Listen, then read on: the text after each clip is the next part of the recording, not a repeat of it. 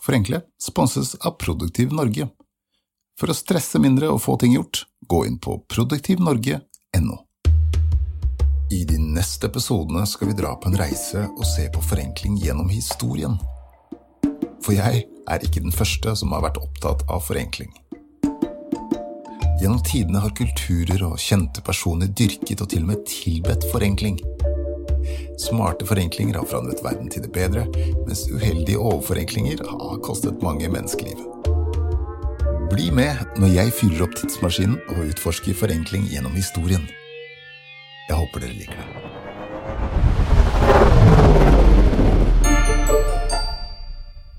Dette er Forenkle, podkasten hvor du kan følge meg, Ove Kenneth Nilsen, når jeg leter høyt og lavt og gjennom historien etter de beste hverdagsforenklingene.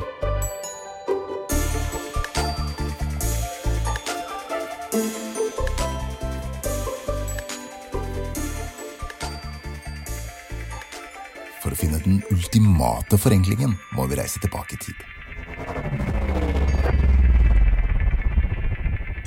Til før The Big Bang. Da var verden enkel. Den var tom, mørk og livløs.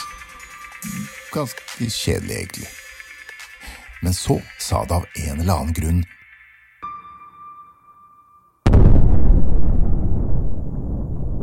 og skapte det fyrverkeri av en verden vi lever i i dag.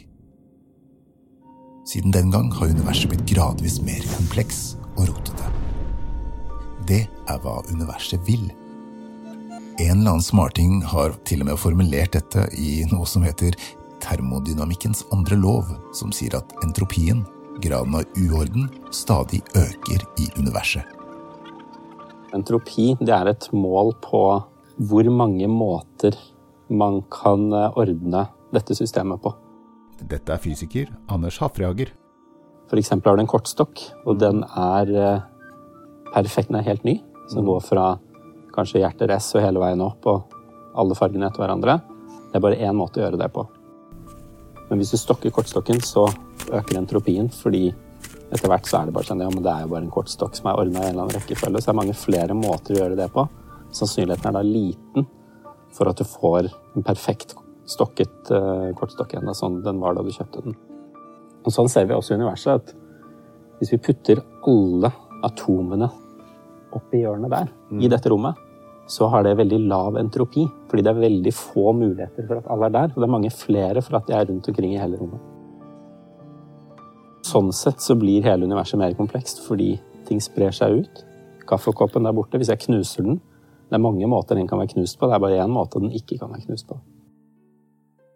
Kompleksitet er tydeligvis automatisk, mens forenkling krever hardt arbeid.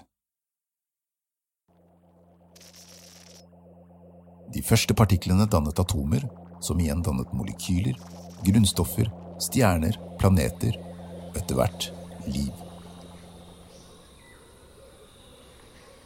Det første livet oppsto kort tid etter at jorda ble til. Luca, som er forkortelse for Last Universal Common Ancestor, var en organisme som levde for omtrent 3,5 milliarder år siden. Og dette er stamfaren til alt liv på jorda i dag. Fra Luca tok mekanismen naturlig utvalgt tak, og over tid gikk vi fra encellede organismer til alt det komplekse dyrelivet vi har på jorda i dag.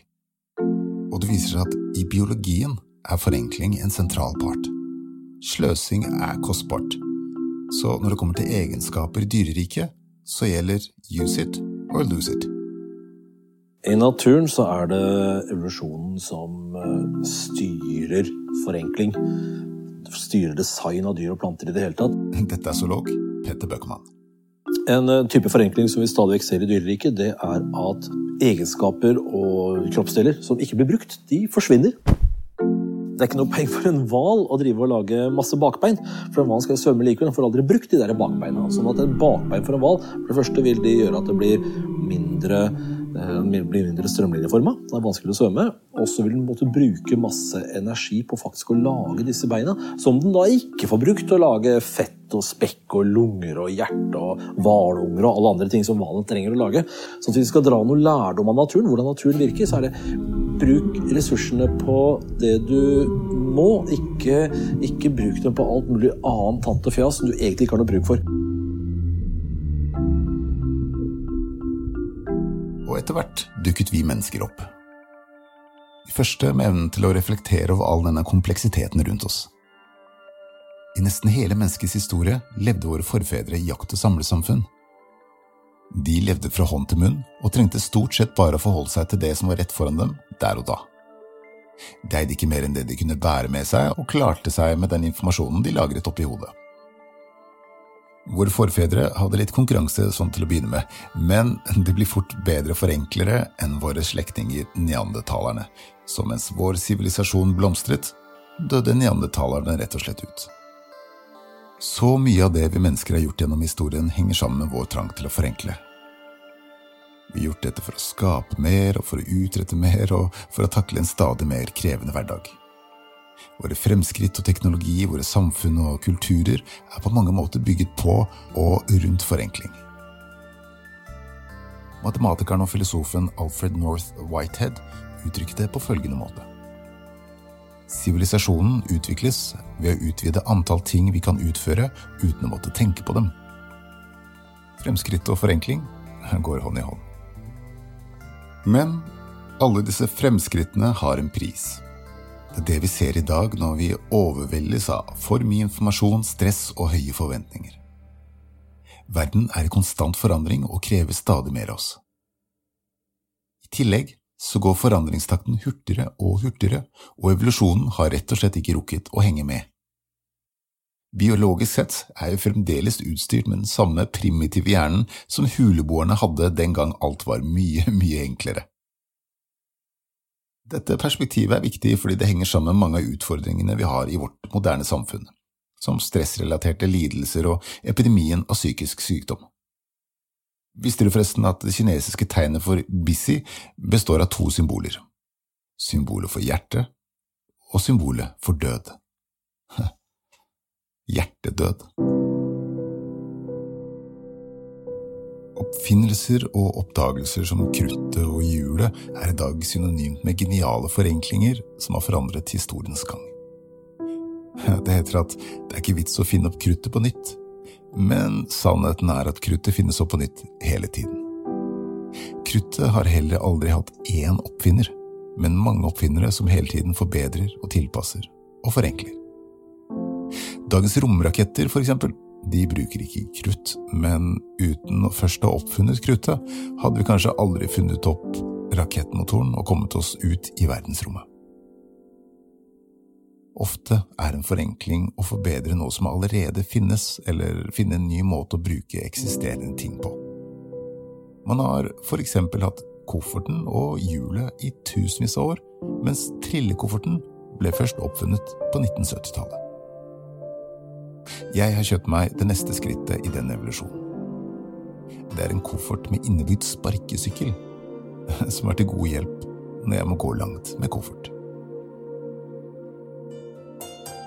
En annen ting som hjelper når man skal gå langt med koffert, det er en god podkast. GTD Nordic har nå en podkast for alt som har med produktivitetssystemet Getting Things Done å gjøre. Om du bare er nysgjerrig på hva GTD er, eller allerede bruker GTD, så er dette podkasten for deg. Sjekk ut GTD Nordics nye podkast på podkaststedet ditt, eller følg linken i shownotatene.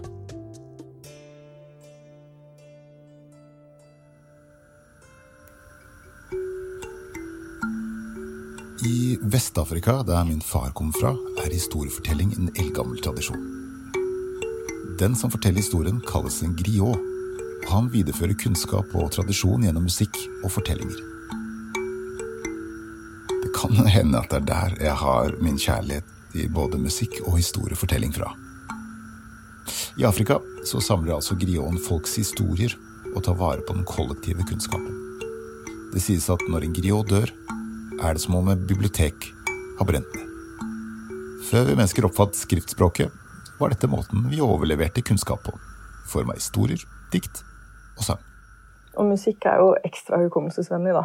Dette er hukommelsesekspert Ylva Østby. Det er jo en grunn til at vi har måte, folkeviser som har overlevd i generasjoner. Og som, altså vuggeviser og sånn, som, man synger til barna sine, som går igjen fra generasjon til generasjon. Det er jo en, en måte å huske ting på som er eh, egentlig ganske genial. Musikken har en, eh, en helt spesiell struktur som er eh, altså hukommelsesvennlig. Da. Den gir liksom rammeverk til å plassere teksten inn i, som, ja, som gjør at du husker mye bedre. De gamle grekerne forenklet dette her med å finne opp spesielle husketeknikker. Hvis du har lyst til å vite mer om det, så foreslår jeg at du hører på episoden om hukommelse som jeg lagde for en stund tilbake. Grekerne var generelt opptatt av forenkling, og hadde et eget alter ved Akropolis hvor de tilba forenklingens gudinne Afelia. Hun representerte enkelhet, letthet og det primitive. Afelia er for øvrig i dag et begrep i retorikken som betyr å si ting enkelt, rett ut uten visvas. Og i det gamle Hellas finner vi også byen Sparta, som var rå på forenkling. En spartansk kriger eide kun det lille tøyet han gikk med, våpenet sitt og en stråmatte å sove på. Den livsstilen har gitt opphavet til uttrykket å leve spartansk, altså sparsomt.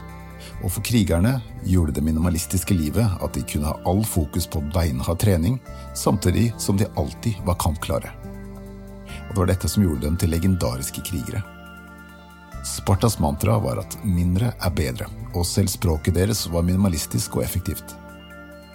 Deres korte, spydspissede språk kalles lakonisk og inneholdt ofte et snev av tørrvittighet og trass. Under en konflikt sendte Philip 2. av Makedonia et langt brev til Sparta som endte med trusselen jeg råder dere til å overgi dere uten videre forsinkelse. For hvis min hær inntar deres land, vil vi saktens ødelegge gårdene deres, slakte deres innbyggere og rasere byen deres. Sparta svarte med et eget brev, hvor det bare sto Hvis. Spartanerne kunne som sagt mer enn å bare slenge med leppa. I det legendariske slaget ved Termoplene kjempet 300 spartanske elitesoldater mot en invaderende persisk hær som skal ha vært på flere millioner mann. De 300 spartanerne klarte likevel å holde dem tilbake i flere dager, og det gjorde de ved å posisjonere seg i en trang passasje som skapte en slags trakt, slik at de bare trengte å kjempe mot noen få motstandere av gangen. Det vi kan lære av spartanerne, i tillegg til å tenke litt mer minimalistisk, er å bli flinkere til å begrense hvor mange utfordringer vi prøver å takle av gangen. Bruk den spartanske trakten og bare fokuser på oppgaven foran deg, få den ut av verden, før du går videre til neste. Vi fortsetter vår reise gjennom forenklingens historie i neste episode av Forenkle. Da får du blant annet høre om en overforenkling som kostet titalls millioner mennesker livet, og jeg skal lese verdens mest forenkla novelle. Blodig alvor der, altså, i neste episode av Forenkle. En spesiell stor takk denne gangen til min venn Petter Bøckmann. Zoologen som i tillegg til å være utrolig sjenerøs med sin tid og kunnskap, tilfører både liv, humør og energi i så mange av disse episodene av Forenkle. Tusen, tusen takk, Petter. Forenkle produseres av Hokus Fokus med produsent Jon Anders Klausen. Preben Grieg Halvorsen satt bak spakene, og han har også laget signaturmusikken. Jeg har også bidratt litt med musikk, og for øvrig med stemmen min, og heter Ove Kenneth Nilsen. Vi ses neste gang, og husk at det meste blir bedre ved å forenkle det.